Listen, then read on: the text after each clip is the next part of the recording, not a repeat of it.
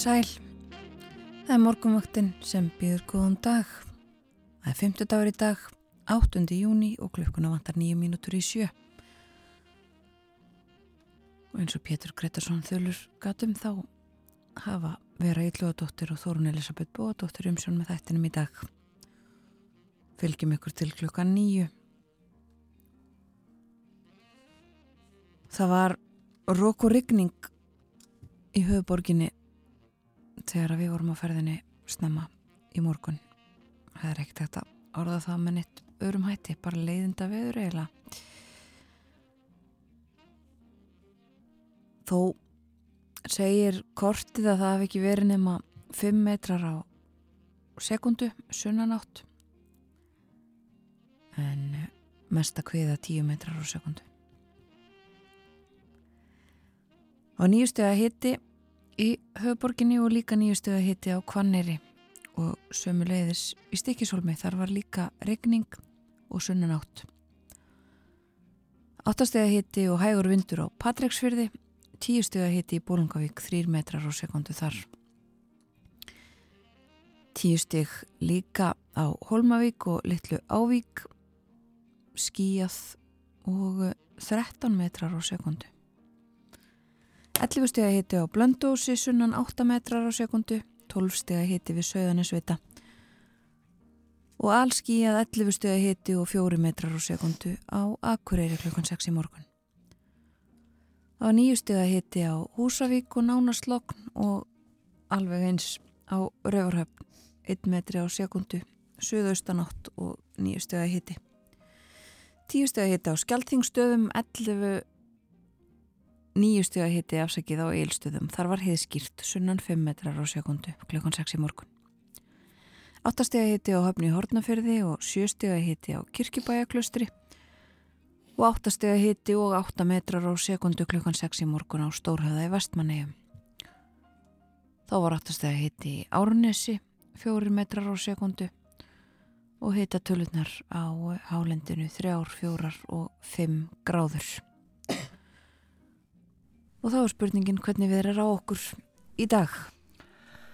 Það verður suðlega átt í dag, góla kaldi eða stinningskaldi, 5-15 metrar á sekundu og kvassast eh, norðvestan til. Víða rigning eða sult en á norðaustur og austurlandi verður úrkoman yfirleitt minniháttar og hittinn í dag á bylinu 11 til 18 stig. Það er hægfara lægð sem að nú er stött á Grænlandshafi, skrifar viðfræðingur og eh, á morgun þokast skil lægðarinnar til austurs. Vindur verður þá suðvest lægari og það dregur úr vætu vestanlands, dálitlar skúrir þar setnipartin en áframrykning á suðausturlandi. Á norðaustan verður landinu verður hins vegar yfirleitt þurft og hiti breytist lítið á morgun og eh, það líður að helgi. Rennum stutlega yfir horfurnar um helgina. Á laugardag er spáð vestan og suðvestan 5 til 13 stöku skúrir en léttir smá saman til sunnan og vestanlands. Hittinn 7 til 15 stygg og mildast á suðaustur og austurlandi. Nú sunnudagsveðrið suðvestan og vestan 5 til 13 viða létt skíað en þyknar upp vestast á landinu Hiti 8 til 13 stig en 12 til 20 stig um landið austanvert. Þannig hljóðar eh, spáinn fyrir helgina í stuttumáli en sem sé það er eh, lagð á Grænlandshafi sem að hefur áhrif á veðrið í, í dag og á morgun. Ímislegt á dagskrá morgunvaktarinnar í dag. Við skulum byrja á að hlusta á smó tónlist. Við ætlum að spila svolítið á tónlist í dag ef við mögulega getum. Byrjum á Yngibjörgu Þorbergs og þetta lag heitir Börnin við tjörnina.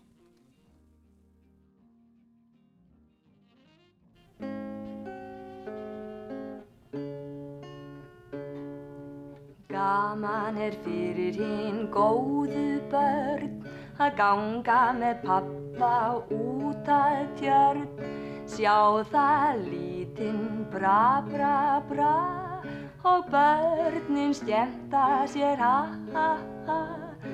Gef honum brauð að býta í. Börnin hafa svo gaman af því. Sattur verður bra, bra, bra og börnin skemmta sér ha, ha, ha.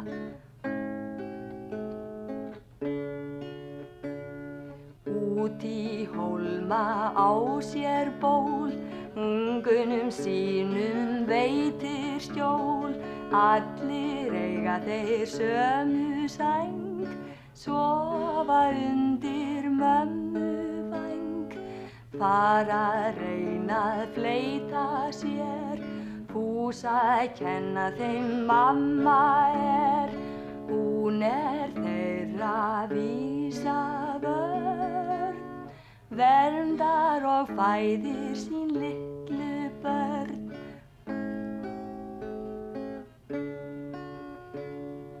Eitt sinn lítinn unga ég sá Aumingin viltist mömmu frá, sífælt í ring hann syndi þar og sá hana ekki neinstaðar.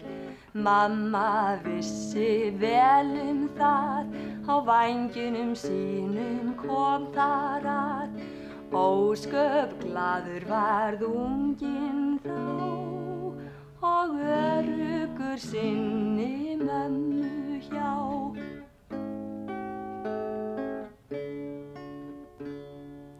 Ef að tjörnin okkar frýs, úti er gaman að sleða á ís, þá er oftast úti svalt og aumingja brabra þá svo kallt, með kaldar fætur og köldum ís.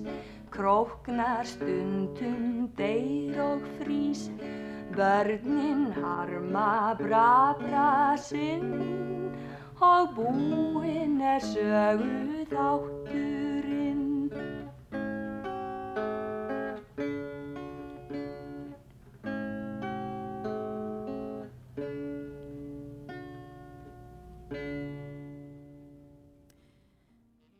Yngibjörg Þorbergs börninu tjörnina en það ávist ekki að gefa öndunum brauð á þessum órstíma það laðar að mávana Við fyrir að leipa fréttastofinni að liður morgun fréttum og svo snúum við aftur hér á morgunvaktinni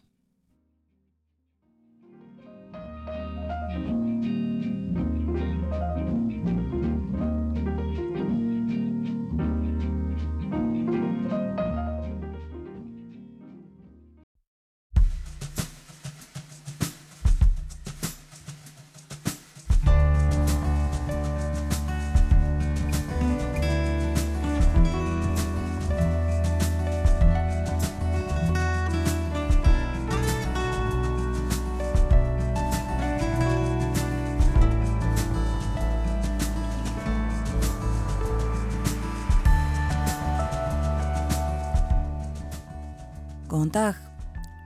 Morgunvaktin helsar á fymtudegi. Það er 8. júni í dag.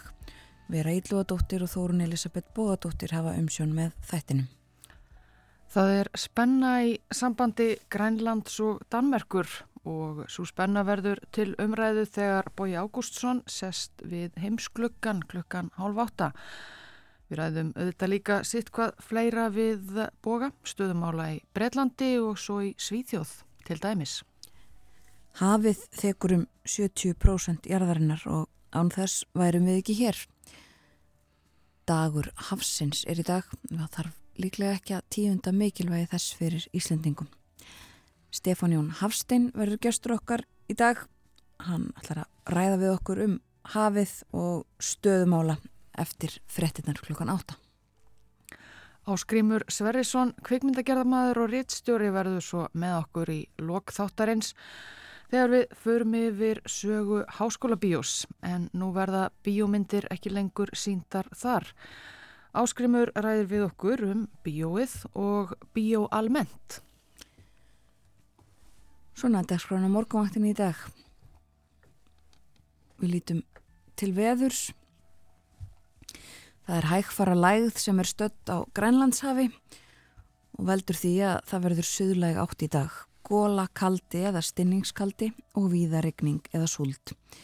Hitin 8 til 12 stig en á norðaustur og austurlandi verður úrkoman yfirleitt minniháttar og hiti á bylinu 11 til 18 stig. Á morgun þókast skil lægðarinnar til austurs, vindur verður þá suðvestlægari og það dregur úr vætu vestanlands. Dálitlar skúrir þar setnipartin en áframregning á Suðausturlandi. Á norðaustanverðurlandinu verður hins vegar yfirleitt þurft og hiti breytist lítið. Á lögadag vestan og suðvestan 5-13 á stökuskúrir en léttir smám saman til sunnan og vestanlands og hitin 7-15 stygg mildast á suðaustur og austurlandi. Og sunnudag þá er gert ráð fyrir suðvestan og vestan átt 5-13 metrum og víða létt skíaf en þyknar upp vestast á landinu. Hiti 8 til 13 stig en 12 til 20 stig um landið austanvert. Hiti breytist svo lítið á mánudag, þá er gert ráð fyrir suðvestlæri eða breytilegri 8, 3 eh, til 10 metrum á sekundu og bjartviðri en skíjað með köplum mestandil. Og hlýtt svo í veðri þegar það kemur inn í næstu viku aðeins lengra eins og spáin er núna. Það er áfram auðvitað eh, bara tölvertum vegavinnu og eh, tilkynningar þess vegna. En eh, það á við víðast hvarum landið. Verða að reyna að sinna framkvæmdum þó að það viðri mjög misjaflega til þess. Hægt að skoða þetta ná við vegagerðarinnar og þessum nýja vef umferðin.is þar sem hægt er að sjá þetta allt saman líka á korti og finna umferðartalningar og fleira. Það er alveg hægt að gleima sér í þeim.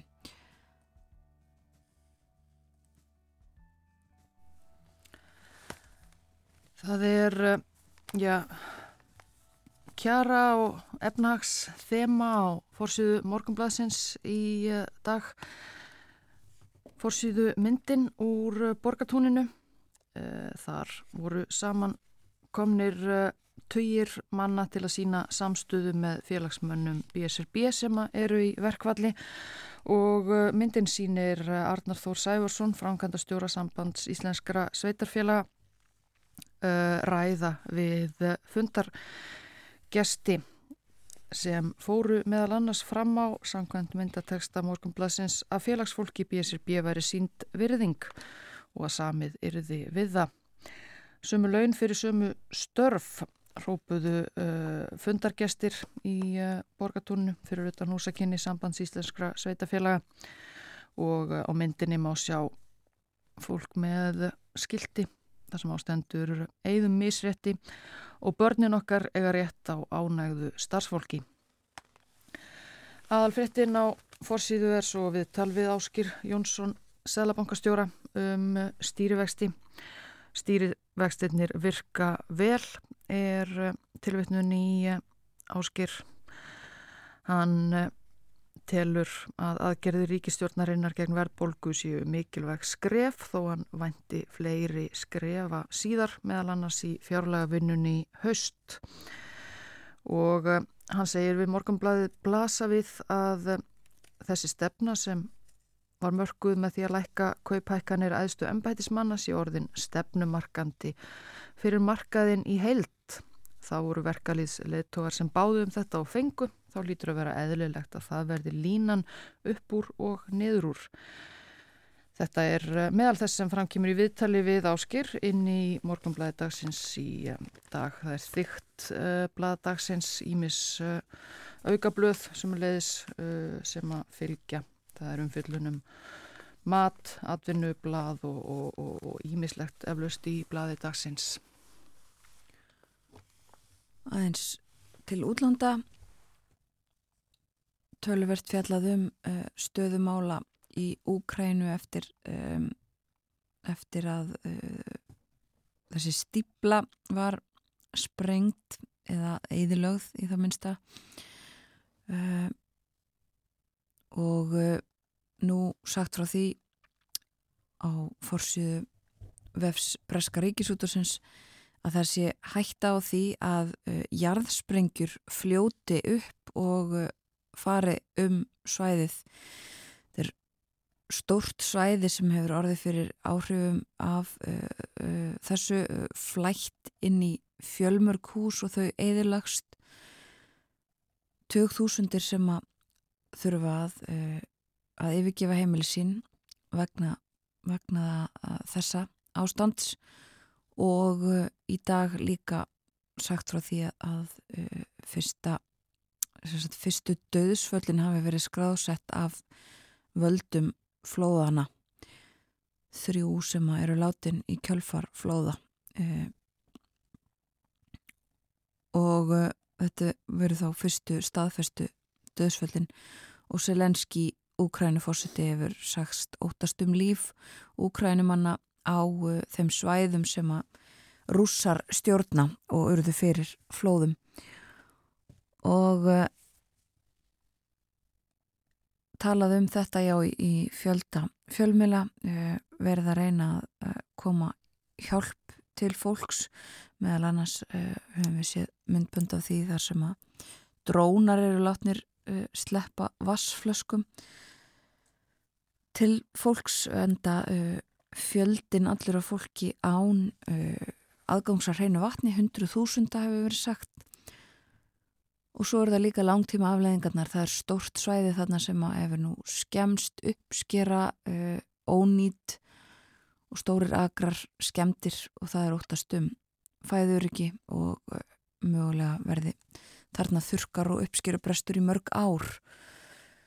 Og svo er það líka uh, alls konar afleðingar af uh, því að þetta vatn fari þarna í nýpró ána og uh, valdi líka einhverjum skemdum það eru uh, bara ofbóðslega fjölþættar afleðingar af þessu. Og líka verið greint frá því að Erdogan Tyrklandsfórseti vilja að það verið ráðist í alþjóðlega rannsókn á því hvað gerðist og hver ber þarna ábyrð vegna þess að uh, rússar hafa uh, varpað ábyrðin yfir á úkrænumenn en, en úkrænumenn segja þetta vera verk rússa. Og vegurinn þarna yfir þessa stíplu mun hafa verið einn síðasta leiðin til að fara uh, yfir og á milli svæða þarna það hefur verið það uh, velta sérfræðingar fyrir sér sem að uh, hafði úrslut áhrifin um það að rússar hafi ákveðið að, gera þetta. Það hafi verið uh, hernaðarleg hugsun en ekki verið að hugsa um almennu borgarana þarna á þessu svæði og þarna í kring. Og það svæði sem hefur orðið hérna verst úti er Hersson þar sem að hart hefur verið barist rússar náðu uh, borginni þar á sitt uh, vald. Úkrænumenn náðinu svo tilbaka og uh, höfum séð talað við fólk sem að hjælt áfram að vera þarna, vera heima hjá sér flúði ekki í stríðsátökunum en neyðist nú til þess að fara vegna þess að að eðilegja heimilið þess með þessum hætti en uh, af fleiri fréttum við uh, verðum auðvitað svo litið í erlendum málefnum í dag. Eh, Bói Ágússon sest við heimsklukkan með okkur hér og eftir og ræðir til dæmis um stöðumála í Danmörku. Við hefum sagt frá því að verða á fórsýðum danskra blada undarfarnar daga heimsóknu Metti Fredriksson ekki til bandaríkjana heldur uh, til Grænlands þar sem hún hefur verið á fundum og áframhaldandi um fjöldanir um það í fjölmjölum í dag. Og uh, meirum það hér og eftir um, það er talað við uh, Edvard Snowden uppljóstrara í Guardian. Í dag eru tíu ár frá því að uppljóstranir hans um uh, viðtækar uh, njósnir og eftirlit uh, bandarískra yfirvalda uh, voru gerðar og uh, Snowden segir að þetta eftirlit árið 2013 sé barnalegur með að við tæknina sem sé til staður í dag og uh, það hvernig hægt sé að fylgjast með fólki og uh, það séu bæði Bandaríkin og Breitland uh, leini þjónustur um, meðal annars sem, a, sem að nota svona tækni um, hann segist ekki sjá eftir neinu og sagði að jákvæðar breytingar hefðu verið gerðar í kjölfara uppljóstrana hans en tæknin um, sé bara uh, ofbóðsleg og uh, hættuleg. Hún segir að árið 2013 hafi fólk trist því að uh, ríkistjórnir og stjórnvöld myndu ekki fara illa með borgara sína en þau hafi gert það. Við höfum treyst uh, tæknifyrirtækjunum til þess að uh, nýta sér okkur ekki en þau gerðu það. Það mun gerast aftur, það er bara eðli valdsins, segir snóten í, í þessu viðtali. Og hann hefur verið í útlegði Rúslandi frá árunni 2013. Og hægt að nálgast langt viðtal við snóten í dag og að heyra smá tónlist. Skulum heyra bandarísku tónlistakonuna Rhiannon Gittens.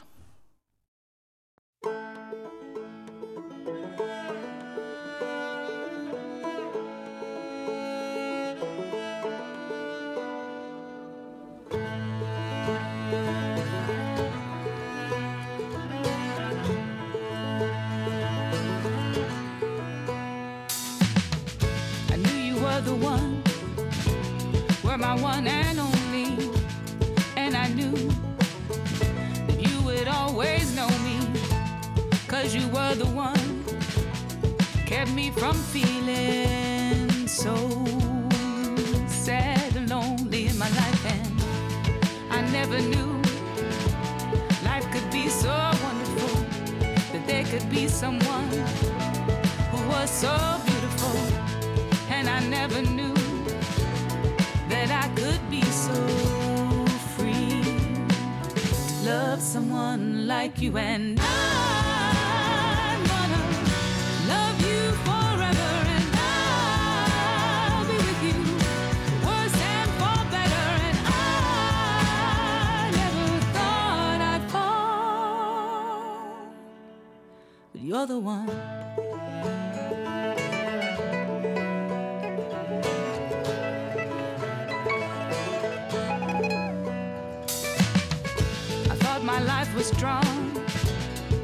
shades of gray, and that was how I would live my everyday and aimless, no direction found. My destiny was going through the motions of a life, and then you came along with your sweet, sweet smile, and then you put your cheek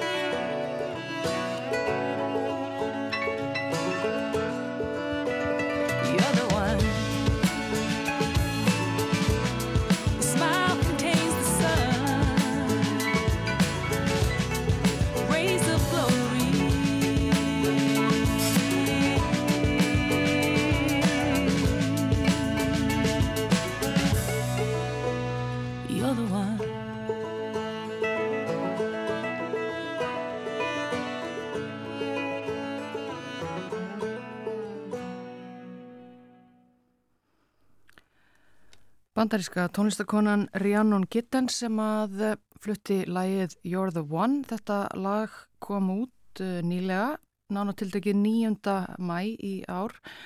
Degi fyrr, 8.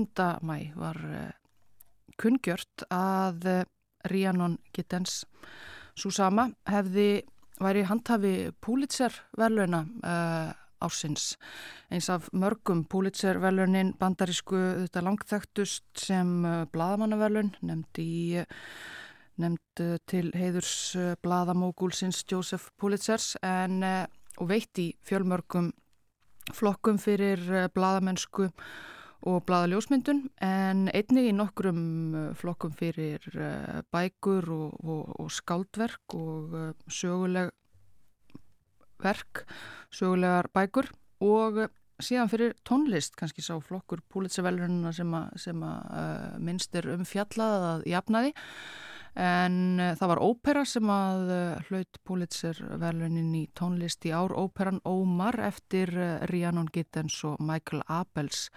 Ópera sem að fjallar um lífslaup þrælsins Ómars Ibn Said sem var eh, fluttur nauður frá vestur Afriku til eh, Norður Ameríku og eh, var þar haldið í þrældómi. En saga hans hefur varðvist vegna þess að hann skrifaði hana sjálfur á arabískum og gaf út eh, æfiminningar sínar og er óperan byggð á því en uh, Rhiannon Gittens sem að syngur, uh, leikur á fyrlu, banjó og öll möguleg önnur hljóðfæri hefur uh, já, sérhæft sig í að viðhalda menningararfi svartra bandarækjamanna og sérstaklega tónlistinni auðvitað. Og við skulum heyra hana flytja eitt lag til viðbótar, það er einmitt lag af bómullar af bómullar ögrunum þar sem, sem að uh, þrælar sungu og hún hefur gert það sínu lægið Waterboy. What a boy. Where are you hiding? If you don't come right here I'm gonna tell upon you. There ain't no hammer that's on this mountain that ring like mine, boy. That ring like mine. I'm gonna bust this rock boy. From here to Macon,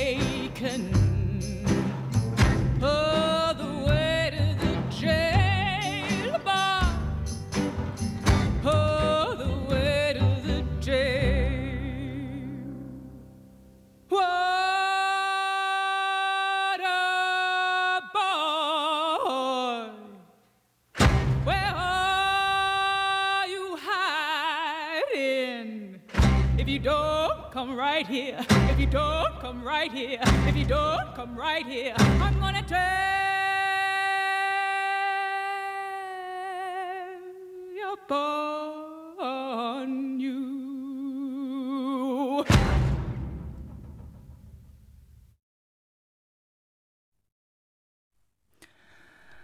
Rhiannon Gittens uh, söng þarna lagaplötunni Tomorrow is my turn frá 2015 en uh, lagið miklu eldra Waterboy bandaríst þjóðlag. En það fyrir að líða að frétta yfirliti frá uh, fréttastofu klukkan að verða hálf átta. Að því loknu sest uh, Bói Ágússon við heimsgluggan og fyrir við það helsta frá Danmörku, Grænlandi og uh,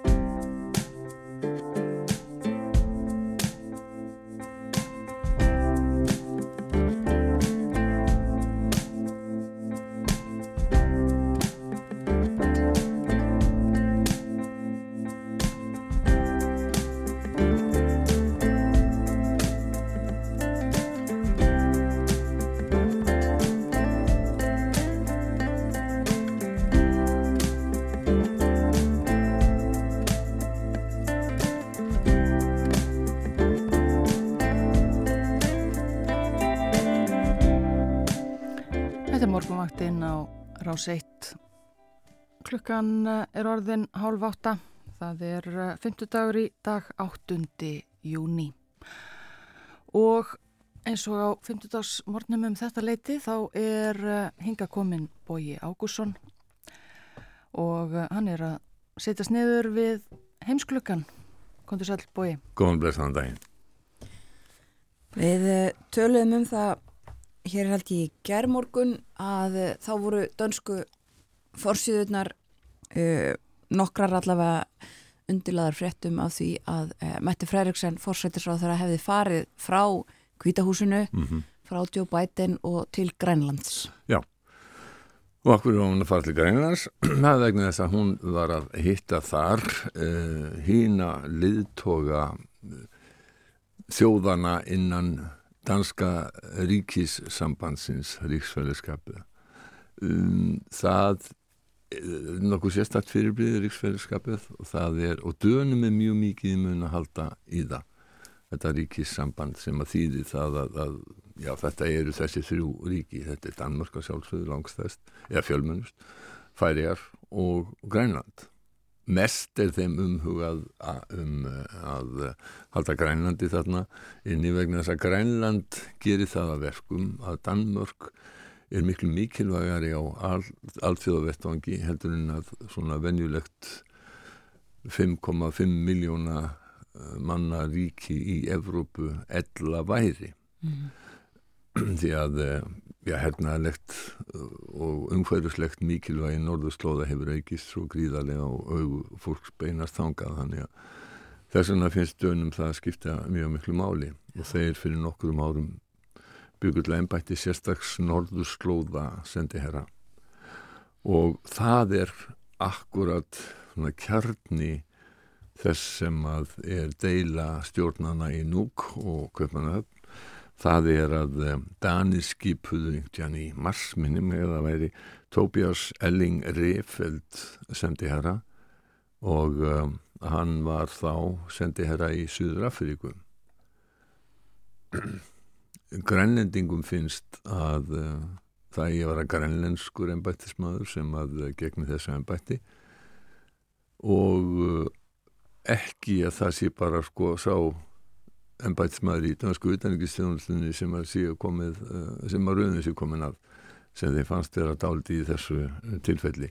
Nú veit ég ekkert um þennan Tobias Ellinger Refeld, hann er yfirlítið vandaður ennbættismadur og, og grænlendingar hafi ekkert verið að skammast út í hans í sjálfuð sér prívat og persónlega heldur hafa þeir verið að gera aðtóðsendu við það að, að þó að sér snjallur og góður ennbætsmaður þá er hann ekki grænlendingur. Hann þekkir ekki til þessara vandamála af, af eigin raun.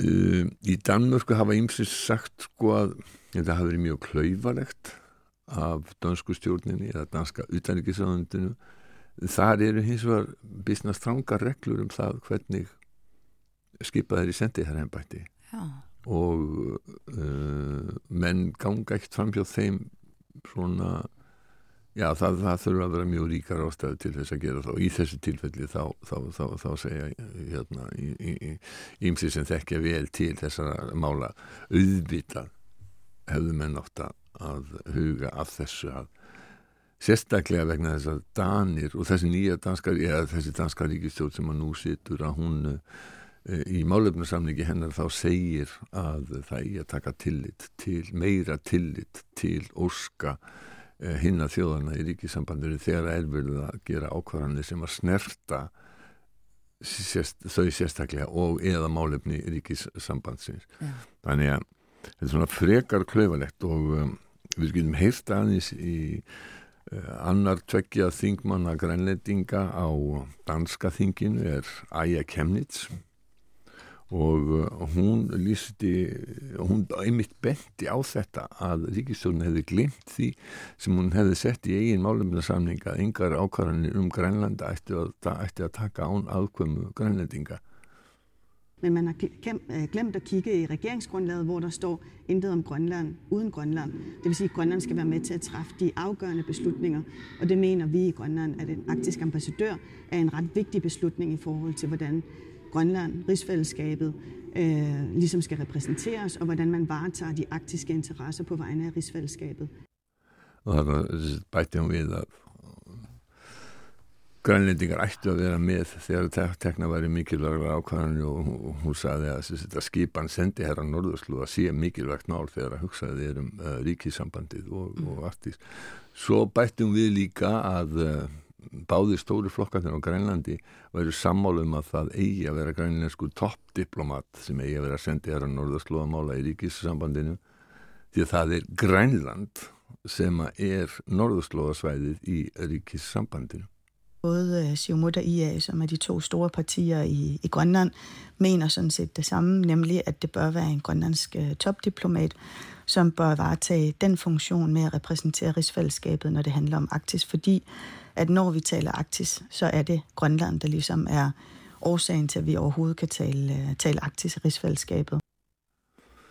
Og øh, þetta var raunar reglulegur fundur þessara letóa sem var í Nuuk um, en um, þarna komaðu sem sagt saman og þetta er ekki vettvangur einhverja ákvarðana, þetta er svona vettvangur uh, skoðanaskipta og uh, upplýsinga svona stjórnskipuleg staða uh, þessa ríkissambands og, og, og, hún er hún er daldið óljós en það er klár politísku vilji og hefur vilji í köpmannafni verið aukist mjög á síðustu árum að taka meira tillit til færeinga og, og grænlands Já.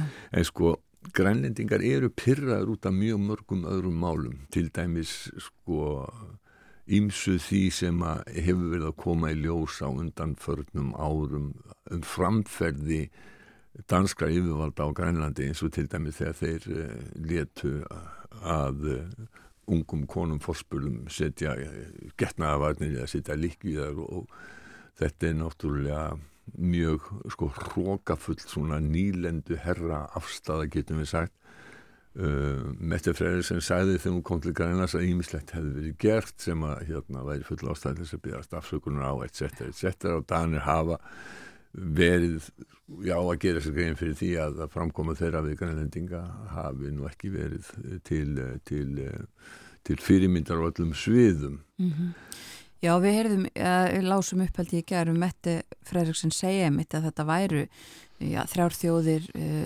þrjúlönd uh, og uh, þrænskonar stjórnvöld og, tími svona valda ójabvægis væri liðin. Já, það er, hún, er að segja þetta sko. Já, og það sem grænlendingar segja er það þetta segja Danir í orði en ekki á borði. Þegar að áreinir að fá bara taka þér sínar ákvarðanir án þess að, að hafa sambandi okkur þetta mál með sendiherran var ekkert list í sjálfur sér á þessum fundi en um, þeir segja það um, þeir sem að þekkja best til ég heyrði til að mis viðtal við Martin Breum sem er svona einn helsti norðurslóða sérfræðingu Dana og þekkir afskaplega vel til stjórnmála bæði í Færiðum og Grænlandi og raunar á Íslandi líka að hann, hann sagði sko þú veist að þetta mál yrði settlað vegna þess að það væri ekki hægt að, að halda þessu áfram í, í, í svona í, ósátt við grænlendinga mm. uh, Mette Freyriðsson lofaði í rauninni einu og það var sko að þegar að Danir taka við formensku í Norðurskautsráðinu um, eftir einhver missiri að þá verði grænlendingar þar í sérstökur hlutverki var svona eiginlega að gefa það skinn að grænlendingar myndi þá í rauninni de facto fara með dönsku formenskuna eh, sem er út af fyrstu gott að blessa nema það að það hefur nú komið fram hérna hjá okkur meðal hans þegar við rættum við Rasmus Geðs og Bertelsen eh, sem þekkir afskaplega vel til þess að mála að eh, Norðurskautsráðið er bara starf þess er í Lamassessi það er allt Norðurslóðasanstarf í Lamassessi og það við hérna líka hvað, í síðustu vikur að, að, að hérna vegna þess að eftir innrás rússa að þá vil engi vinna með þeim og rússar eru langstesta þjóðin við norðurskautið og, og það er aldrei sérstakt ef að, ef að þeir fá ekki verið með mm. að þá er í rauninni afskaplega lítið samstað þarna þannig að skulum vona að rússar verði komin nú kuldanum, það hefur samist fríður í Ukrænu sem er nú ekki fyrir séð en þegar það kemur að því að Dani taki við, við um, formensku í Norðskjöldsvæðinu Arctic Council. Annað líka sem að uh, menn hafa verið að tala um er það að áhersla Dana á norðurslóði, norðuratlasafið Grænland og Færiðar uh, og hafið hér í kring Au, mun aukast á næstu árum þegar að finnar og vendanlega svíjar verða komnir inn í uh, NATO, inn í allarsasbandalagi vegna þess að þá muni sko, stór hluti danska flótans og, og danska heraplans eh, er með hugan bundin við eistarsalti já, en það breytist þegar, þegar finnar og svíjar verða fullu gengnir inn og þá breytist svona strategía þeirra uh, þannig að Danir geti losað um, um sinn herrafla og einbeitt sér meira að, uh, að norður allasaminu. Einmitt, og talandi um uh, Svíja, uh, það var þjóðatíðadagur Svíþjóðar á þriðudaginn 7. júni, við heldum aðeins upp á það hér á Jú, morgunvaktinni. jú, það fór ekki fram hjá hlustendum og um ekki, morgunvartanina. ekki, ekki nóg með að það hafi verið þjóðatíðadagur heldur uh, já, 500 ár upp á dag frá valdatöku Gústafs Vasa Aha. og um leið endaloka Kalmarsamvansins. Jú, jú, einmitt, það má svo sem sko, kalmarsambandið, já, sem leiti má segja að kalmarsambandið hafa á sínum tíma, segja sakfræðingar, verið ákveðin viðbróð við ókn utanfrá, frá kannski hansa, hansa uh, ríkjum og annars slíkt. Um, þegar það er stopnað undir lók 14. aldar þegar að Margrét Vista verður de facto þjóðhauðingi allra Norrænu ríkjana uh, og það var svona að byrja að líðast í sundur á, á senta á, á 15. öldinni og svona undir 15. og þá, þá, þá eru komnar svona mikla sprungur í þetta en formlega uh, leggst Kalmarsambandið af eftir uh, þegar að uh, Gustaf Eriksson Vasa er kjörinn kongur í Svíðsjóð 7. júni 1523 gammal kunningi og, og hérna já, ég, vil vinna minn Anders Lundgren sem er mikill áhuga maður um, um Norrænarsaminu var sendið hér að svíja hér á Íslandi og var svo sendið hér í um, Íslandi eftir að hann fór hérna hann sagði á Facebook að hann held upp á 7. júni en hann var ekki að halda upp á það að Gustaf Vasa hefði verið uh, kjörinn kongur því að hann hefði verið harstjóri og kúari Hann fagnaði því að svíjar hefði fengið stjórnarskrá sama dag 1809. Eh, stjórnarskrá sem takmarkaði konungsvaldið mjög og það er eh, í rauninni verður, getum við sagt, verður valdarán í Svíþjóða 1809 þegar Gustaf Fjörði Adolf settur af og uh, öll vasættin þar með eh, setti hlýðar föðubróðunars Karl 13. tekur við en hann átti engin börn og uh, í samþygt í sænska þingsin sem að setur, setur, setur Gustaf Fjörða af er, er sko hans afkomundum sömu leiðis vikið frá þannig að þeir megi ekki hérna taka við, við, við völdum í Svíþjóð og þarna er þess að einveldi lagt af í, í Svíjaríki og uh, þessu fagnaði hérna Anders Ljunggren í, í þessari fæslu sinni. E, þetta með Karl 13. hann, hann var ballus uh, þau hefðu átt tvö börn hann og konuna sem hefðu dáið í uh, æsku. Og uh, þau voru komin á þann aldur að það var ekki horf, ekki, voru ekki horfur á því að, þau eignumist fleiri börn. Þannig að svíjar urðu að, að velja sér nýjan ríkisarfa og það var leitað hinga og þangað fyrst vildi Karl 13. fá danskan prins sem að, jújú, jú, allt í lagi en þá tók hann bara upp á því að deyja sá, þau sami og svo var það sænskur ennbætsmaður sem í rauninni upp á sitt einstæmi hérna hafði samband við einn af marskálkum Napoleons Jean Bernadotte uh, og uh, bauð honum bauð honum, hefur það var ekki til að var ekki til í að verða ríkisarfi og svo kongur í Svíþjóð oh. og hann þetta kom nú algjörlega hérna eins og þurrmóður heiskir lofti fyrir, fyrir, fyrir Bernadotte sem að eh, sko í hópi marskálka og, og svona helstu eh, getum við sagt ennbætsmanna Napoleons var nú misjapsauður í, í því í fjö og þeir voru margir hérna já ekki ekki mjög svona vandræðvirðingu sinni. Snjallir hessauðingar nánast allir en bölðaði rustar dusilmenni og en e, Bernadotte var e, sagður af öllum ráðavandur heiðarlegur og algjörðu óspiltur sem var eiginlega alveg fárhaldi í þessum hópi. Hann var landstjóri meðal hans í Hannover og, og, og hérna var mjög vinsælt með þjóðverðina sem hann, hann stjórnaði.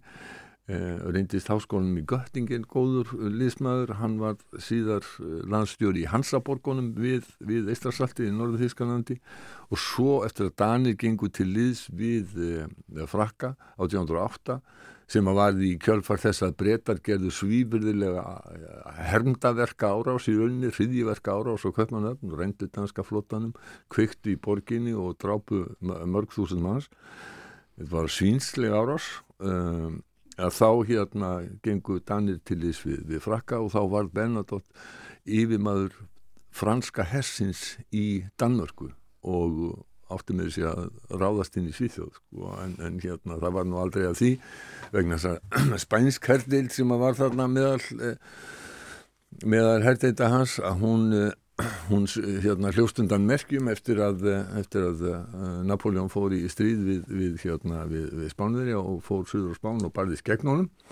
En sko Bernadotte þótti hann, hann aftur gæti mjög gott orð sem, sem svona yfirmaður franska hessins í Danmörku og var, var mjög vinsæll og helt hörðum aga á, á sínu líði en frakkar og franski herrmenn hafði ekki gott orða á sér í þeim löndum sem að þeir hersáldu en það, það var öðruvísi í Danmörku. Og hann var svo vinsæll af alminningi og hyrðinni að, að þegar hann fór og þá fekk hann þessa fínu elefant orðu, olifant, þessi, já, fíla orðuna um, hjá, hjá, hjá, hjá dönum. En sagt, þetta er maðurinn sem að, sem að svíjar velja sem sinn uh, uh, kong og hann verður síðan kongur. Og, Bernadotte ættin hefur ríkt uh, í Svíþjóð.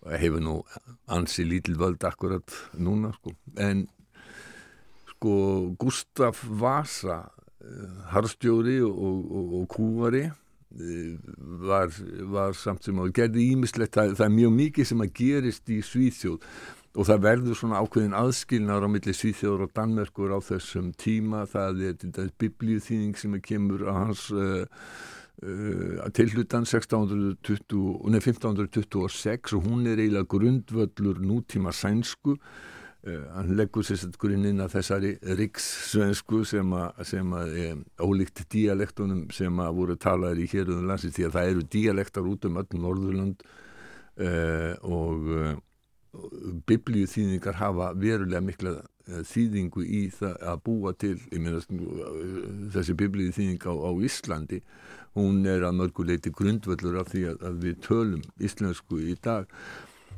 Gustaf Vasa var líka uh, það er á hans vegum sem að gert tilvæm til þess að samræma sænska stafsetningu og, og, að allskilja frá dönsku. Uh, ég sá tvo hérna, ég sá sænska málfræðing verið að tala um þetta á, þriðdægin í, í sænska sjónarspunu sem sagði sko, hann var spurður, myndum við skilja þá núna Já, sennilega við veitum náttúrulega ekki um frambulin, sennilega myndum við skilja þá ef við legðum okkur mikið fram eins og við myndum skilja dönsku og, og, og, og norsku mm. og dialekta þar ef við legðum okkur mikið fram sko, en benti á að mikið að nútíma orðum í sænsku væri komið úr þísku ekki síst úr, úr frönsku svo ég að segja til dæmis að djö og hérna Já, já, já. veldi síðan fyrir sér sko, hérna, og bæ, bætti inn ákveðnum hérna, orðatiltækjum, málsháttum sem að, sem að okkur, mér fannst aldrei fyndi að heyra sko, lítil þú að veld, vel, hérna, veldur þungu klassi þannig við sjáum sko þennan samilega arf sem við eigum með þessu sko. Já, mikið gaman að þessu. Já, við ætlum í lokin að e, fá smá æfingu fyrir okkur Íslandinga í því að hlusta á, á æsta dönsku. Já. Það var aðeins auðveldari hérna áðan að hlusta á þingmannin uh, tala. Já, já, það var það sko. En, en, en sko loka umferð í dönsku súperlíkunni sem er eftir dild danska fótból var, var mjög spennandi. Að vísi var orðið ljósta fyrir uh, loka umferðin að FCK eða knarspundin fyrir að köpmanafnar yrði mistari einaferðina enn. Uh, en það var óljóst hver lendi í þrýðasæti og það skipti talsverðu máli að, fá brónsætið, bara þau eru peningar og Evrópikeppn og annars lít og svo var óljóst hverjir e, myndi að halda sér uppi. Og þar voru þrjú lið sem að gáttu dottið og, og eitt af því var, var Íslendingalið Lungby því að e, Freyr Alessandinsson er, er þjálfarið þar og þeir höfðu lengi vel verið miklu vandræðum en þeir tókst á ævintýralegan hátt að halda sér uppi á, á síðasta degi. Eins voru allar horfur á því að, að um, AGF í Árósum uh, myndi ekki ná, takast að ná þrýðasætinu í, í, í uh, þessu bronsæti. Og þeir voru að spila heimaðil við Bröndby og, um, og þeir eru þegar það er svona 20 mínutur eftir þá er AGF 3-0 undir og manni undir Aha. vegna þess að og þannig að það er nú og þeir þurftu að ná að mista hvort í jafntefni ef þeir næði jafntefni þá voru staðan í öðrum leikum þannig að þeir myndu fá brónsæti og uh, heimamaður einn sem er hérna uh, Marth Týrsteð sem er, er, er uh, íþróttafrættamæður hjá, hjá Díasport hann lísti þessu og ég hef nú sagt sko að það, það má kannski segja að hann, hann hann, hann slægi hátt upp í gumma ben þegar gumma ben næ sér hérna be- best á, á flug heyrum í svona lokum í, í maðs týrstöð Aarhus Stadion eksploderer, og manden, der gør det fra AGF, er selvfølgelig den hollandske indgifter i Elleduen. Først reducerer han til 3, så trækker han et straffespark til 2-3, og nu, mine damer og herrer, har han oven i købet udlignet til 3-3. Aarhus er i eksplosion. Aarhus er selvantændt. AGF har vendt 0-3 til 3-3 og er på vej mod at få bronzemedaljer igen i Superligaen. Hvad foregår der? 85 minutter spillet af verdens mest sindssyge Superliga-sæson. Og AGF har udledet til 3-3 mod Brøndby. Er det okay? Er det okay, ven? Jeg har aldrig haft det bedre. Jeg elsker Superligaen!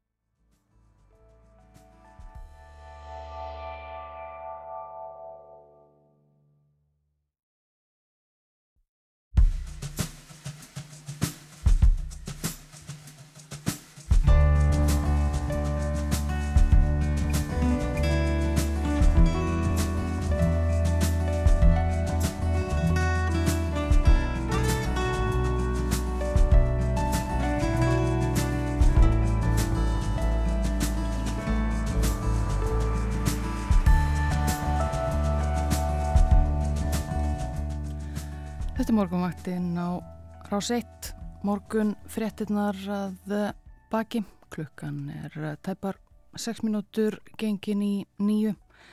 Það er 50 dagur, 8. júni.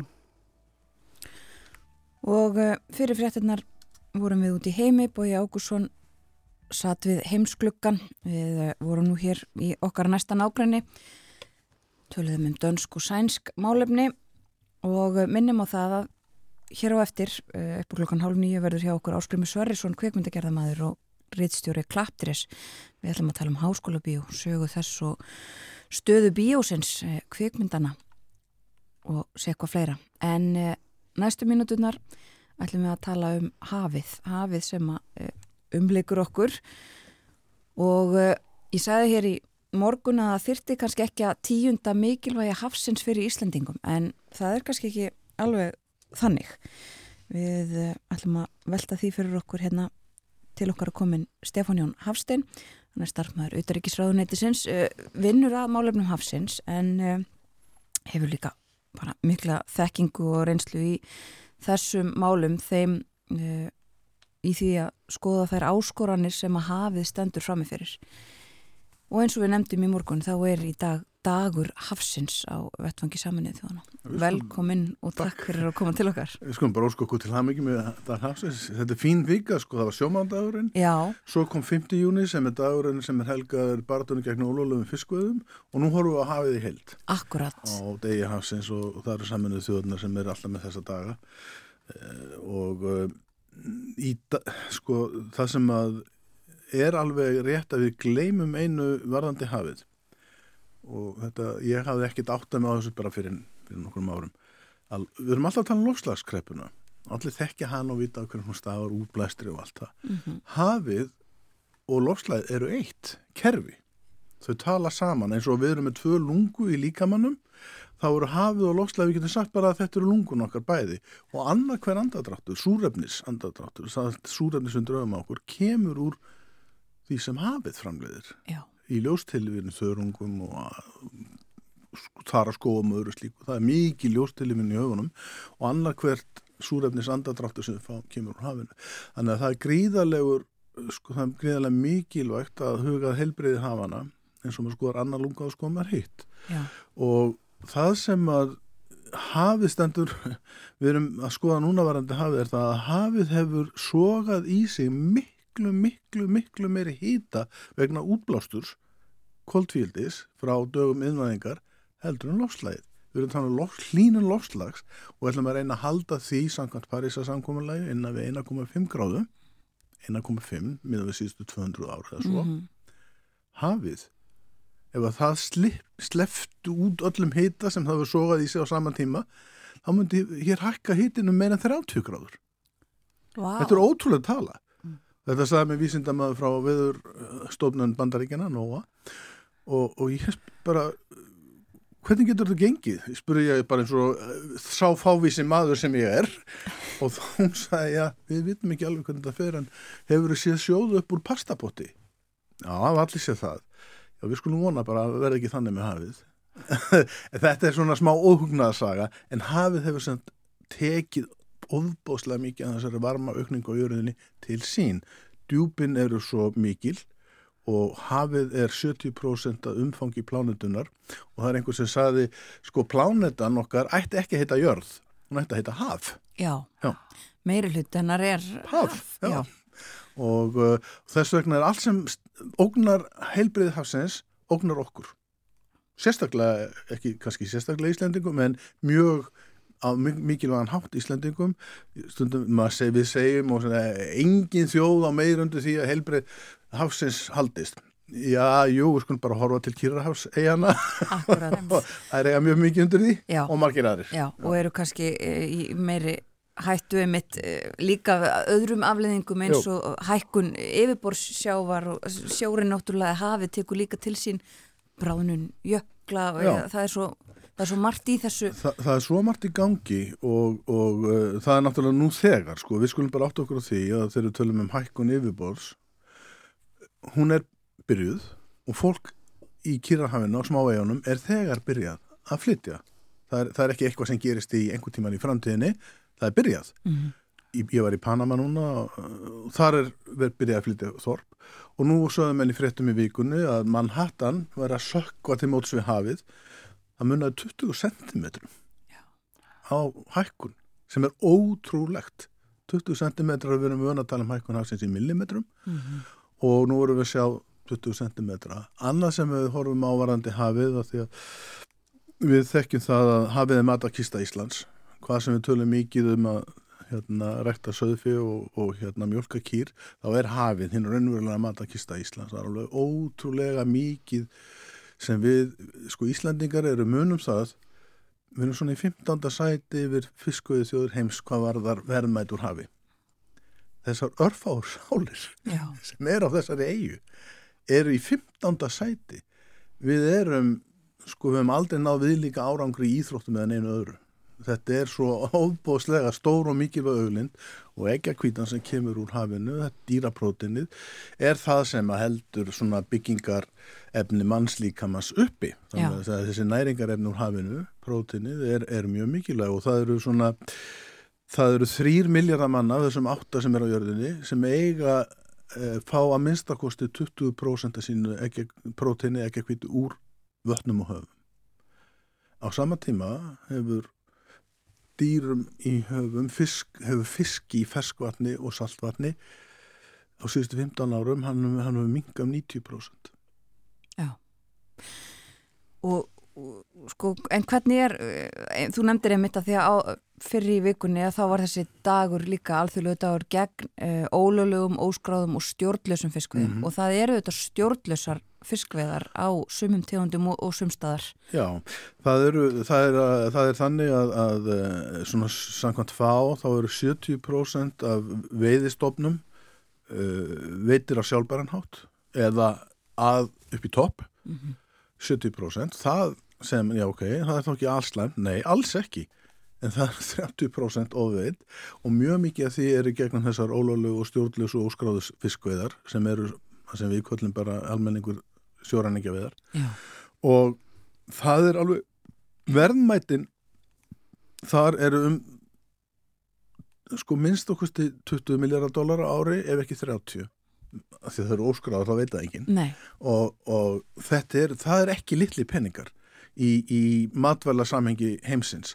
30 miljardar dólar eru ógnalegt fyrir og það kemur frá fátækum þjóðum aðalega já, sem veitir sko ekki af að fá næringarefnin úr hafinu til sín en það eru þjóðir sem ekki búið við stjórnkerfi, eftirlitskerfi og, hérna, og ráð ekki yfir sinni efnarslöks og ráð yfir henni formlega séð en ekki með get ekki fyllt eftir eftirliti. Og það er til dæmis hluti, svona ég gef ykkur bara smá insýn, það er samningur, alltaf samningur um það að hvar megi landa fiski og hvernig, það eru svona skráðarhafnir og það er mjög mikilvægt og öll er ekki samþykki og það megi ekki landa fiski úr þessum skipum. Og þegar fisk kemur til hafna og segja ég er með þúsund tónn á landa þessu þá spyr hafnastöðun, byrjuð hvar er skráningin ykkar og hvar er lefið ykkar og allt það? Þetta kerfi er verið að reyna að innleiða og, og uh, við uh, í gegnum okkar starfi fá hefum stutt þetta, það er mjög gott þetta er mjög mikilvægt, menn að reyna mislegt en stjórnlösa fiskveðar hafa jafnvel verið niðugreitar í ríkum Já, það er ekki eins og þetta séu bara glæpastarfsemi sem það er oft, heldur bara niðugreitt af uh, öflugum ríkjum sem að niðugræða ólíu til ólögulegra fisku eða annað slíkt. Þannig að þetta er, þetta er eitt af alvesta dæmið um það sem er að gerast í höfunum en við erum ekki farin að tala um plastið. nei, við þurfum nefnilega að skipta þessu til niður. Þetta er einmitt, var það sko, já, ólulegu veðarnar, en svo er það plastið sem er auðvitað töluvert til umfjöllunar, plastmengunin í hafinu. Það er alveg gífurlegt magn sem að, uh, af plasti sem að fer í hafið á hverju ári bara. Já, það eru um 10 miljónir tonna á ári Já. og uh, ef að svo heldur áfram sem horfir þá verða, þá verður meira plast í höfunum 2050 heldur en fiskur. og uh, það eru uh, óknveikjandi staðrendir það var samþykkt í fyrra á hjá umhverjastofnum saminuð þjóðana að næstu tvö árin er þið bara hörðum höndum að alþjóðlega plastsamningi gegn plastmengun. Já, plast er náttúrulega ekki við, við höldum að plast er bara plast, nú erum við að heyra til dæmis að þessi plast innan í mjölkuferðnarum okkar og það er alveg, sé ekki þetta að gera annað en að kveiki í þeim. Eh, en, en til dæmis bara í pókum, fatnaði sko ekki þú og flýspeysunar ekkert þú átt að takk það er mjög mikið plast sem fer úr þeim í, út í hafið. Svo er annað að hérna blöðturkurnar og það er það mikið af plastögnum í þeim og uh, feguralifjum já, það eru agnir, við erum bara að tala um nokkur atrið úr daglega lífuna því að ég veit að fólk er að koma sér út í daginn sko. En, en stóru vandamálin eru á norðurkveli, það eru veiðafæri það er mjög mikið af veiðafærum sem er á botninum í dag og það er glæpur gegn móðu náttúru, það er bara ekkit annað og hvert einasta veiðafæri finnir sig, já, á að koma aftur og þá fara í endumvislu, það er bara þannig. En á suðurkveli er miklu meira um þessa mengum frá þéttbíli svæðum í suðaustur Asíu til dæmis og, og Suður Ameríku það eru fyrirgeðu flöskundar plastflöskundar og pókarnir og ímislegt sem flýtur fram vegna þess að sorpirða í mörgum af fátökun landunum mjög léleg, fer út í átnar og skólar út í höfin og það er þar sem að plastmengunin er mest já. Og vantanlega gríðarlega erfitt að, að taka á þessu. það er mjög erfitt því að, að hérna, í raun og veru hugsa um okkur land bara eins og eitthvað það sem er mikil krísa núna Burundi, Kamerún eða, eða Sierra Leone eða eitthvað sorpirða er ekkert sko skipluð Nei. og það myndast þessi, og ég sé það í fátakra hverjum Afríku, það bara myndast þessi svakalegu plasthaugar og þetta er líka í Asíu og þetta fer ekkert, svo smátt og smátt svo kemur rektíminn og þá skólar þessu bara út í afnar og síkin, út í hafið.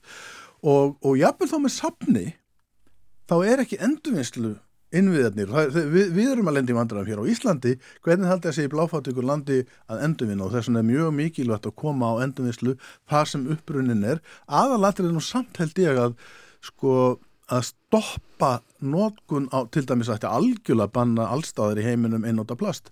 Já, bara ekki. Einnóta plast á ekki vera. En, en hérna uh, en uh, þessi gríðarlega notkun á plasti er mjög hættuleg fyrir umhverfi. En í öðru leið ef að endurvinnslan þarf þá að fara fram nær upptökum mengunarinnar það gengur ekki að flytja plast í skipum heimsókn á milli. Það bara er klikkað Já, eins og gert er í miklu, er, já, já miklu mæli. Já. En hvernig, sko, þú segir það, það verður að reyna að koma á einhverjum, hérna, einhverju samkomulagi, einhverju um plast, hvað, hvernig standa þau mál, hvað er að gerast? Já, ég, nú vil svo til að ég hef aðgang á okkar færistu sérfræðingum, til dæmis einhverju sannanduru og hérna, ég fylgist með hérna, og við, það, það er, það var bara að vera, það laug núna samningarlótu, menn er að reyna að svona átta sig á því hvernig er best að taka vandanum og, og þetta er mikla framfæri að við skulum vera að vinna í þessu og, og mikill metnaður allar reyna að klára allt þjóðlega samkommulega á tveimur árum. Eh, Þannig að það er til dæmis hvers konar plast hvaða plast, hvað er upprunnin, í hvað ferða, hvert lendir það, allt þetta þarf að taka á. Hvað er best að taka á vandanum? Mönn er reyna að skilgjörna sig á því vandamáli. Mm -hmm.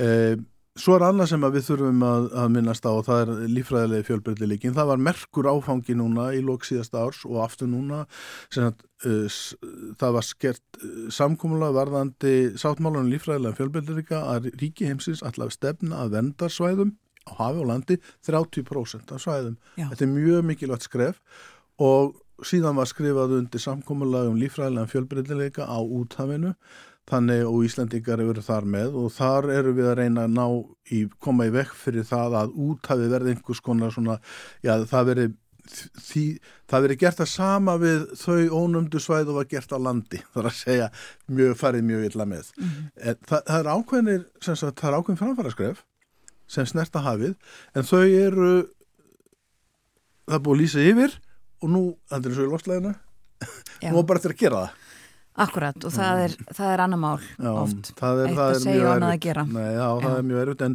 en viljin er þarna og það er mjög gott að fá hans staðfestan Já. Uh, eitt annað, Stefán Jón, sem við verðum að tala um, það er súrnun. Já, það er eftir þessum óskiljanlegu hugtökum og nú sér maður eftir að hafa ekki lært almennilega efnafræðina sína í mentaskóla hvað er súrnun. Skulum bara segja, sko súrnun kemur vegna þess að höfum gleipa svo mikið í sig koltvíildi frá, efna, frá útblæstri eins og bara í lofslæðinu. Mhm. uh, þ- við skulum bara segja það eru bara hérna, efnasamsetning hafsins breytist það jafnvægi sem var síðustu 10.000 ár og skaut stóðum undir það lífriki sem við höfum í höfunum í dag því jafnvægi er nú ógnað og á þeim skala að aldrei síðustu 55 miljónir ára hefur hafið tekið að breytingum og nú. 55 miljónir ára. Þessi súrnun er sem sagt skulum bara kalla þetta efnabreitingar í hafinu. Förum í mentaskólan setna og, og þetta er vegna útblástur.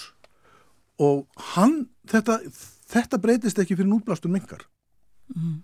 Höfum taka endalust við og súrna og núna eru til dæmis íslenski vísindamenn að rannsaka hvað áhrif hefur þessi súrnun við rannsóknir hér á landi á til dæmis loðnu og það er hérna suðum við sjó verið að rannsaka setja loðnu í tanka og rannsaka hvað gerist. Við vitum hins vegar hvað gerist í kóralrifjónum sem eru bæðið í Ísland og annar staðar að þau drepast. Þau eru, þau eru eins konar svona þessi kallaði kanarifuglinni í námunni, það er hann sem drefst fyrst þegar gasin koma og það eru kóralrifin sem drepast og þau eru 1% af yfirborði jarðar en hafa 25% af lífræðilum fjölbreytileika jarðar, kóralrifin. Já. Og svo horfum við á rækjuskeljarnar okkar og humaskeljarnar, þess að dýr sem mynda skeljar, þau finna fyrst fyrir þessu kalk, vegna kalkmyndunar. En þetta gengur upp alla lífkjafina, áhrifina súrnum. Við vitum það núna, hafa til dæmis áhrifina á, á tímgun, frjósemi og annað slíkt og við getum staði fyrir, fyrir ansi alvarlegum, alvarlegri keðjuverkum, en kalla þetta á ennsku tipping point, við kallum það vendipunta, þegar keðjuverkunum verður óstöðandi upp all lífríkið og það er það sem súrnunni getur leitt af sér. Og þá getur við aftur sagt engin á meira undir því en Íslandingar og nokkur aðrir að unni sér gegn súrnun hafana þetta er algjörlega þetta er algjört líkil atriði varðandi heilbreyði hafsins. Já, og þá erum við að komin aftur að því sem við byrjuðum og að tala um sem er þetta í mitt að loftslægið og hafið eru eitt og sama kerfið. Um, sko, ég held að ég færi rétt með þér það ekki að svona þema dagsins í dag er svona samt það að, að hlutinir séu að breytast. sko við þurfum að minna okkur á þess áfanga sem ég er búin að rekja. Já, svo er annað sem er menn er að sig á að kannski að geta, sko, þetta er allt samtengt. Það er, er lofslæg og hafið. Það er lífræðilegu fjölbreytileiki þar sem við viljum vernda lífið á jörðinni. Hrun vistkerfan er 70% á síðustu 50 árum, við þurfum að snúa því við. Og síðan fæðukerfin og það er eitt sem er ánægilegt fyrir okkur að inni í þerri keðju er hlutur fæðu úr höfum og vötnum mjög miklu jákvæðri en hlutur fæðu af landi. Og mar, margskonar það eru tilraunar í Íslandi um að fara að rækta þara, uh, ná þörungum og öðru slíku. Því neðar sem er fyrir líðkjöfin í höf, höfunum því minni útblástur. Og hann getur jafnvel verið vinsla þessara næringar en hann getur jafnvel verið jákvæð vegna þess að þau taka í sig koltvísi ljóstilifa en, en þannig að að bláfæða eins og við kollum hún er miklu miklu jákvæðar fyrir umhverfið heldur en til dæmis fæða sem ræktuður á landið og þetta riðja skóa gera allt sem þarf að gera, kaupa traktor og olíu og allt það og fara að rækta beljur. Þá er það miklu miklu verra heldur en að rækta þörunga og kræklinga. Já, akkurat, einmitt. En já, og, og það er uh, þessi dagur í dag, uh, einhver fundahöld og, og svona eh, verða Já, það er, það er, það, daginn, það er þú alltaf verið ég, ég er á stóri rástefni í dag um, um fæðurhöfum og, og, uh, og uh, félagslegar lausnir sambandi, það er að segja bara matvar, við skulum bara kalla það réttu nafni, hungrið. Það er, hvernig getur hafið hjálpa til við að, að berja skegn hungri. Ég er stóri rástefni, ég er þar meðstjórnandi og síðan er að hefjast núna lofslagsrástefni í bonn og núna eftir helgin að verða 2-3 dagar helgar hafinu og lofslæginu og fæðuöflun.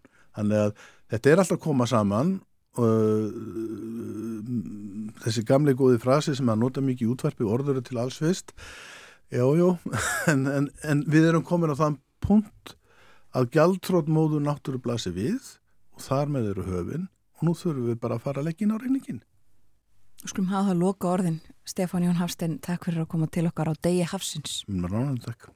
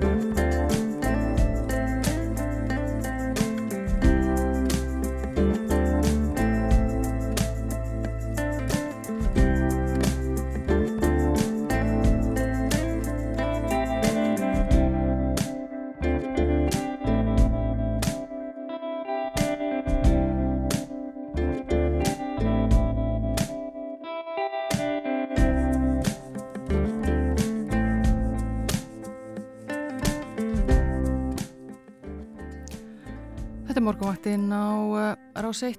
Klukkan uh, er orðin rúmlega hálf nýju og uh, síðasti hluti þáttarins hér hjá okkur að hefjast við um fariðum viðanvöll uh, í dag. Bói Ágússon var með okkur eins og íðurlega á 50 dags morgunum settist við heimsklukkan og rætti sér í lagi um dönsk málefni, samskipti Dana og Grænlendinga sem að já, hafa, hafa verið betri kannski, má segja eins og bóið fór yfir. Fjöldluðum líka um Svíþjóð og sænska sögu um uh, Gustaf Vasa, Kalmar sambandið og endalók þess og uh, stjórnarskrá þá er, er uh, svíjar fengu á 19. öld. Síðan var Stefán Jón Hafstein með okkur hér aðan og við töluðum um hafið gríðalegt mikilvægi þess fyrir já, allt líf á jörðinni. Það er dagur hafsins í dag. Og uh, næstu mínuturnar ætlum við að tala um bíó, uh, kvikmyndir, kvikmyndahús og eitt svona sérstaklega. Uh, í vikunni var tilkynnt um það að í háskóla bíó er það ekki lengur rekið bíó og þar með mun ljúka já, tölvert langri sögu þess. Til okkar er komin Áskrumi Sverrisson, kveikmyndagerðamæður og reittstjóri Klapptrés. Velkomin á morgunvaktina. Takk fyrir. Um, ég ætla að lesa þessu upp úr alþjóðublaðinu um, þar frá árunni 1961 þar sem að uh, fór blaðamæður og, og, og var bóðið á biosýningu og þá sagði þær aðstæður sem húsið býður upp á til þess að fólk geti notið síninga þess eru hennar fullkomnustu. Síningar tjald mikið og fullkomið, hefði stærsta á Norðurlöndum auðvitað, sæti mjög góð og sæmilega rúmt á millið þeirra, stallar milli sæta það háir að ekki kemur til þess að næsti maður framann við áhörvenda spilli útsýni til tjaldsins. Lýsing þægileg og heiðin, heyrðin eða akustíkin ágætt. Í því sambandi verður þó að geta þess að þeirri síningu sem hér um ræðir bar nokkuð á því að bergmál myndaðist í salnum. Það var líkt því að maður heyrði orðin endurtekin úr aftari hátulur um húsins við og við. Vonandi reynist auðvelt að laga það. Um, þetta var frá einni af fyrstu bíósýningunum í Hásklóbí og þetta þótti greinilega alveg reynd hitt glæsilegasta og, og náttúrulega bara tímamút að þetta er því byggt. Um, Já. var það þannig? Já, þú getur rétt ímyndaðir, sko, ímyndaðir að koma inn í þennan risastóra sal 1961. Sko þetta er eitt stærsta kvikmyndahús bara sem þekkist. Já. Þetta er, þetta er, þetta er risavaksið dæmi og en þetta með bergmáli sem að minnist á það, þetta finnir þetta er íslenski kvikmyndagerra menn hafa, hafa ekki klórað sér í kollinum yfir því ég mitt, sko. Já. Því það heyrist oft, sko, íslenska myndir eru oft fyrir umsýndar að því stóra salnum. Akkurat. Og þá heyrist oft svona, svona kvartanir frá áhörundum, heyr, svona hljóðið hefur getið verið betra. Já. Og, og hérna það er meðalans út af því að það er, það er, það er svo stór, jábært þó að það sé fullur salur, þá er svona aldrei reverb, sko, ekko Já. og þannig að þetta getur verið snúið, sko og hljóðmenn hérna, eiga það til að balfa þessi sal svolítið. Já, það reyndist þess að ekki auðvelt að laga það sem var þarna að á fyrstu nei, síningunum. Nei, það er svona pínu, pínu erfitt, já. Akkurat. En, en að því að þetta vitni í gamlan texta, hefur mann þetta hérna, Sigurður Pálsson átti einhverja ræðu um háskóla bíó uh, einhver tíman, sem var að verða að sjá hann einhver staðar, posta það. Hann var að tala um sko að hvað þeir hefði verið stórhuga, þeir hefði ekki verið lítill að sanda, lítill að sæfa þessi menn sem bygguðu þetta til, heldur stó, mjög stórhuga. Já, einmitt. Og það eins og þarna kemur fram líka sko, stærsta síningatjald á Norðurlöndunum og eins og þú segir, þúsund manna bíósalir, þeir eru ekkit út um allt. Nei. Hvorki þá nýja nú, Nei. týðkast ekki. En sko... Þeir eru þetta til en þeir eru ekki margir. Sko. Nei, og það kannski segir sér sjálft að það er ekki auðvelt að reka þúsund manna bíósal. Nei, og það er náttúrulega meðalans ástæða sko, ef við getum farið út í alla þessa fjölsala bíósögu en, en sko uh, það, það er svona an, annur saga. En því miður þá var hægt að nota stóra salin Já. fyrir ansi mörgum árum, ég held að sé, ég, ég þór ekki að fara með, það er allavega mjög langt síðan. Uh, sem er náttúrulega algjör synd, að sko það fyrir mér er háskóla bíó og það fyrir mér er það sem er svona stórkostlegt við háskóla bíó Já. það er stóri salurinn. Já, upphaflega byggingin og stóri salurinn Já. og henir salernir eru í, í viðbyggingu sem setna á tekinni í nótkun. Já. En sko, og nú er uh, þessari bíósögu lokið eða að ljúka, um, var bíóið sem að í þessum lýsingum sem ég nefndi uh, hérna frá byrjun og, og opnun húsins, sko, var þetta orðið úr sér gengið eða hver, sko, hver er ástæða þess að um, fólk fór að sækja minna í háskólabíu eins og uh, nefnt hefur verið í þessum fréttum af lókunin? Sko ég var að ræða þetta við hann uh, Tino sem reykur kvikmyndadeildina hjá Senu Já. sem er að sem hætti með reksturinn og uh, hann benda á það að þetta væri fyrst og náttúrulega það að þetta eru skólastofur í raun og veru. Þetta eru skólastofur fyrir háskólan og þau, þau sko útbúnaðurinn sem þar þarf að vera hann svarar ekki alveg þeim kröfum sem gerðar er í dag til eh, nútíma kvikmyndahúsa. Það hefur orðið mikil þróun uh, undanföldnum, hvað, segjum 10-20 árum Mhm. uh, uh, það sem uh, þetta hefur- breyst mjög mikið og svona áhörfundur eru orðinir vanir þeim gæðum. Þannig að, og það er ekki um það að ræða að reyna að breyta því uh, því það myndi stangast á við aðra kröfu sem þetta húsnaði uh, þarf að uppfylla. Þannig að, já, Þannig að þetta var, og, og svo var náttúrulega aðsóknir bara einfallega orðir mjög lítil, ennilega út af út af þessu sko. Og þannig að, þannig að já, sjálfur leiðir að þetta þurfti bara að svona, já, sigla sin sjó. Já, um, en sko áður við fyrir að tala eins svona almennar emitt um bara stöðu kveikmynda það, um, þú nefndir að hérna áður við fórum í loftið og, og við svo sem líka höfum komið inn á það að þetta er bara bíóreksturinn, þetta er kvikmyndareksturinn sem er að, er að hætta Já, en áfram er háskóla bíó til það ætlar enginn að jafna það við jörðu Nei. og, og salitnir verða þarna, stóri salurinn verður þarna og, og uh, hann hefur náttúrulega eins og segir ekki verið notaður fyrir kvikmyndasýningar svona almennar lengi en það hefur verið áfram frumsýnt þarna er það ekki? Jú. Og heldur að það verði áfram? uh, ég á ekki vona á öðru því að sko allar sýningarvélar húsins verða þarna áfram Já. og sko uh, þannig að það er ekki sjálfur sér ekki títi fyrirstöðu að þarna sé reykið áfram bíó ef menn svo vilja. Mhm. og ekkit vandamál að fá að halda áfram frumsýningarnar sem ég, veist nú að sé mjög mikilvægt vegna þess að þetta er auðvitað langt besta frumsýningabíóið uh, og það er kannski fyrst og fremst vegna þess að þarna geta allir verið saman í einum sal. Já, uh, sem er svolítið það sem bíó uh, snýst um og, og það að fólk geti svona upplifa hlutina saman akkurat. Það er það sem að, uh, greinir á milli þess að horfa á bíómyndina bara heim í stofu og Já. uh, horfa já, í já, upplifunin með hinnum. já og það er, sko, þe- þeir hafa, hafa verið gert stundum í hinum bíónum uh, það er bóðið þarna há- hátt í þúsund mann sennilega og svo er þessu fólki deilt niður á nokkra sali í hinum bíónum Mhm. á frumsýningu þetta er, ég hef verið í slú- slíku þetta er ekkert skemmtilegt.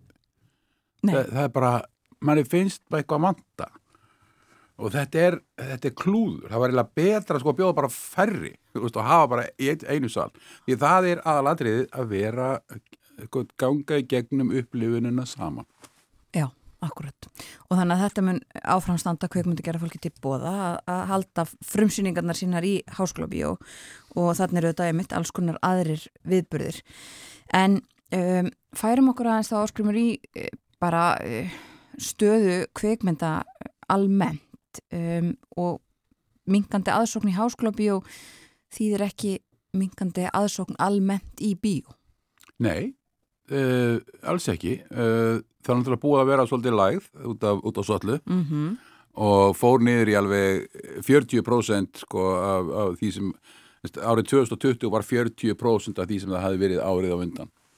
Uh, síðan hefur það með hverja árinu svona stíið upp á við og nú er þetta komið svona undir það svona hátt í einhverjum 90% af því sem það var 2019 Já, þannig að uh, annarkvort uh, svona jafnast þetta á þessu ári eða næsta já, og, og, og það, þannig að þetta er alltaf bara að fara í fullt sving aftur sko. já. En ef við skoðum sko aðeins lengra aftur í tíman, hvernig eru tölunar þá einmitt fyrir, fyrir COVID, hvernig eru þær í samanburði við kannski tíu árum fyrir eða eitthvað svoleiðis? Þær eru, sko, það, sko íslensku kvikmyndamarkaðar var alveg einstaklega stabíl mjög lengi. Já, Hann, hann var svona eitthvað stær í kringum eh, einu og halva miljón, það er að segja svona rúmlega fjórfaldur, fjórföld hérna, um, fjórfaldur mannfjöldi. Það er að segja við fórum í svona bylnu 45 sinum í bíó á ári, hver einasti íslendingur, sem er, það- sem er eiginlega bara það hæsta og eitt það hæsta sem þekkist í heiminum. Þannig að við erum sko bæði mjög stabíl markaður, vonum það lengi og, og mjög stór markaður, hlutvarslega já, og er það bara bandarækja menn og kannski indverjar eh, eitthvað svolítið sem uh, topp okkur sko eða eru svipaðir, mjög, við eru alltaf á svipuðum slóðum. Um, þannig að við, já, sem ég segi, við, það er hér er mikil hefð fyrir því að sækja bíó. Og uh, hins vegar það sem hefur gerst svona hægt og rólega kannski á síðast áratöðu eða svo er að þetta hefur svona aðeins byrjað að gefa eftir, við, við vorum í fimm fórum neyri fjóra, 4,5, fjóra, við erum núna í 3, eitthvað. mhm, Þannig að við sérðum þetta svona aðeins að slæta svona hægt og rólega. Og það er bara, menn eru búin að búast við þessu náttúrulega mjög lengi, vegna þess að uh, það, sko, það, ágangur annara möguleika afþreyingar hefur náttúrulega ágæst mjög mikið. Þá var ég að horfa til síðustu, ég ímyndum okkur bara sko, síðan vídeóið kom 1980 og hvað hefur gerst síðan þá? Og það er ekkert smáraði Nei, við erum að tala um internetið, við erum að tala um skilur, sem er náttúrulega öll í því sem því fylgir og tölvuleikir og, og, og þetta, allt þetta heima bíó og, og svo hræðins hræðins akkurat. Við getum eiginlega tekið svona hvert tíu ára tímabil þarna síðan þetta var og það eru alltaf einhverjar stórkostlega breytingar Já. sem eiga sér stað. Já, en að, að, að merkilega er að bíó hefur held sér rosalega vel í gegnum mest allt þetta tímabil en er svona byrjað aðeins að gefa eftir hægt og rólega fyrir svona tíu árum hefur verið að síga hægt og rólega en þetta eru engar, þetta er ekkit hrun eða neitt slíkt. Nei, Þú veist, við erum að fara úr kannski við vorum að einhverju bylnu 1,5, 1,6 miljónu ári gestir niður í kannski 1,4 akkurat. Og heldur að það sé fyrst og fremst þessi svona uh, upplifun af því að horfa með öðrum sem að ræður því að við erum ennþá að fara í bíó. Já, og líka það að, að sko kvikmyndamarkaðurinn hér er drifin áfram fyrst og næst af ungu fólki, af krökkum uh, eða svona fólki frá segjum 12 til svona 25 Yeah. svo að mjög merkilegt svo hérna, einhvern veginn hverfur þessi hópur upp úr því, annarkot fer hann út í nám eða byrjar að eignast börn eða eitthvað svoleiðis og þá bara hverfur þá úr bíómarkaðshópnum uh, hann kemur svo ekki aftur fyrir hann að búa að koma krökkunum sínum á, á, á unglingar eitthvað svoleiðis sko. En, en þá er náttúrulega ekki næstum eins miklu mæli og enn minna núna kannski og það er setna af stað vegna þess að nú eru möguleika til heimabíós um, orðnir miklu meiri en þeir voru kannski fyrir bara 20 árum Mhm. um, en af hverju fer fólk í bíó? Stóra ástæðan er auðvitað það að þú vilt losna, fara út af heimilinu sjá fólk og hitta aðra, sína því og sjá aðra sko. já, akkurat, og, og upplifa, þetta er aftur kem ég að þessu, upplifa eitthvað saman akkurat. Og það er bara svona þetta og bí, mannlega. já, þessu hefur alltaf, hefur alltaf verið þessi ódýra skemmtun, þú veist það sem, sem eiginlega flestir hafa efni á Já, akkurat. En uh, svo hafa komið þetta samt möguleikar á því að, að gera þetta dýrara. Það eru ykkur luxussalir og, og alls konar svoleiði sem hefur komið Jú. inn í myndina líka síðustu Jú, árum. jú. Um, stefnir þetta alfarið þangað? um, að einhverju leiti vegna þess að sko, það áherslan á sko, þessu svona stórar evendasýningar með tilherandi brambolti og látum og, og, og luxus alls konar hún er að verða meiri Já.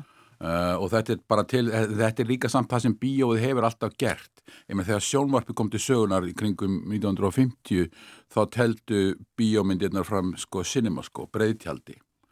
Og, og, og, og, og lit í rauninni líka sko. Þannig að þeir voru að reyna að fá fólk í, í bíó að hamla eða berjast við samkefnina það gekk svona svona en svona, veist, svo jafnaði það sig að lokum sko, það var náttúrulega ríkalegt áfall þegar sjónvarpi kom sko, en það var svo mikið nýjung og fólk hefði, ég þarf ekki, þarf ekki að fara út á heimilinu, ég geti bara verið heima en svo náttúrulega var það ekki raunin Nei, nei. En sko, og svo er það streymisveiturnar og allt þetta sem við hefum, uh, sem að hefur áhrif og við getum, eins og þú nefndir, bara afþrenga möguleikarnir eru uh, allt aðrir. En um, sko, eru ennþá og verða áfram þessar stórmyndir. Það verið svolítið umræða líka um svona uh, Hollywood leikarana, þú veist þessar stóru, stóru stjörnur. Er einhverja breytingar að verða í þessum svona stórmyndum og stórstjörnum eða mun þetta líka heldur og er þetta að halda velli?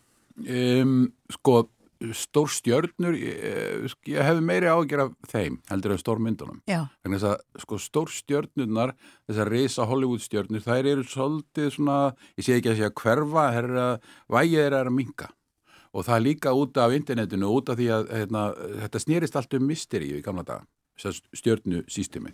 Það snýrist um að vita sem minnst en vilja fá sem mestar upplýsingar. Núna er þessar stjörnur bara á Instagram eða, eða Facebook eða Twitter eða ég veit ekki hvað hvað og og það eru bara allar upplýsingar sem, sem, sem þú þart þannig að þá leið hverfur misteri, en þannig að mm, kraftur þeirra hefur dvínað. Stór myndirnar hins vegar eru um, uh, hérna, lifa mjög góð lífi og það er, verið, það er það sem mun keira bíóin áfram næstu árin, spá ég fyrst og fremst. Það sem vantar eru eiginlega það sem kvöllum svona, uh, þessar myndirnar í miðjunni. Uh, myndirnar sem eru svona myndirna sem vinna óskarsvelun myndirna sem uh, kost ekki uh, sko halvan handlegg um, og svo framvegis og framvegis uh, því þær eru meira og meina komnar og þetta efni á ég við er, er, er komið inn á efnisveitunar og inn í sjónvarp og þar er verið að taka fyrir eh, efni við sem, sem áður var settur í slíkar Hollywood bíómyndir sem gætnan kerðu á stór stjörnum. Akkurat. Þannig að þetta er breyting sem að er eh, farin að þessu stað. Já, búið að vera í gangi Já. í svona 10-15 ár. Já, akkurat. Og þú eru ágjörð þessu eða? Hvað gerist þegar, miðjumyndirnar þeim fækkar? Sko, náttúrulega kannski að kemur þeir kannski ekki óvart að kvikmyndin, mér finnst kvikmyndin vera sko eitt af mikilvægasta bara sem til í heiminum. Já, já. Þannig að ég, ég þykir, mér er mjög and um hana og ég álíta, hún er, hún er aðferð til þess að ávarpa allt og taka fyrir allt og, og hún getur fjallað um allt. Mm. Uh, alveg eins og þið getur fjallað um allt hérna, skilur uh, þannig að uh, ég vil að hún sé með, sem fjölbreyttust og hún sé með miðlag í menningunni hún var mjög miðlag í menningunni þar að segja að fólk hugsaði ok, þessi kvikmyndagerðamaður er að gera núna mynd ok, hvað hefur þessi kvikmyndagerðamaður að segja um þetta mál þetta er áhugavert og við viljum ekki bara sjá hvað, viðkomandi hefur að segja heldur hvernig hann, hann tjáir sig um það. Og það er sem, það sem skiptir svo miklu máli. Og, og, bara, það- og þetta í allir í listsköpun. Uh, en þetta var það sem var mjög miðlagt í menningunni þetta er svolítið að víkja til hliðar. Kvikmyndir og sjónvarsefni eru svolítið að renna saman. Þetta er ennþá risa, risa stórt en það er ekki sama svona áriðandi eh, sko erindi við þig eins og, eins og var. Já. og það er það sem ég er svolítið svona að sakna. Og eh, en hef enga sérstaklega svona hugmyndum því mér hvernig að leysa það sko. En, en, en, en auðvitað eins og ég undirstrika það kvikmyndur og sjónvarp eru rísa, rísa stórt í, fyrirbreyði í menningunni. Akkurat. Og það breytist ekki þó að hásklubi og hætti að uh, vera í rekstri. Nei. Takk fyrir að koma til okkar á morgunvaktina, Áskrimi Sverrisson. Takk sem leiðis Morgunvaktinni fer að ljúka. Við uh, höfum setið hér frá því snemma í morgun, vera Íllúadóttir og Þórun Elisabeth Bóadóttir og gerum það áfram uh, eða aftur öllu heldur í fyrramálið. Uh, klukkan tímítur í sjö hefst morgunvaktin, alla virkamotna. Við ætlum að ljúka morgunvaktin í dag á lægi. Lægið hittir Tilraun og uh, við leikum það vegna þess að í kvöld þá verða haldnir minningartónleikar um Átna Skeving sem var einn helsti jazz listamæður þjóðarinnar. Þá munu margir af fremstu jazz tónlistamönnum landsins koma saman til að heyra minningu hans. Uh, Það er sonur hans Einar Skeving sem að stendur uh, að tónleikunum. Mjög margir tónlistamenn sem að munu þar koma fram og ég held mér að það sé enn hægt að fá miða. Þú eru þó ekki fullir af það. En uh, ljúkum þessu á tilraun. Þetta eru Vilberg Vilbergsson, Átni Skeving, Eðvard Lárusson, Þórður Högnason og Einar Skeving. Við þökkum samfélgina í dag. Verðum hér aftur sem fyrir segir í fyrramálið. Verðið sæl og njótið dagsins.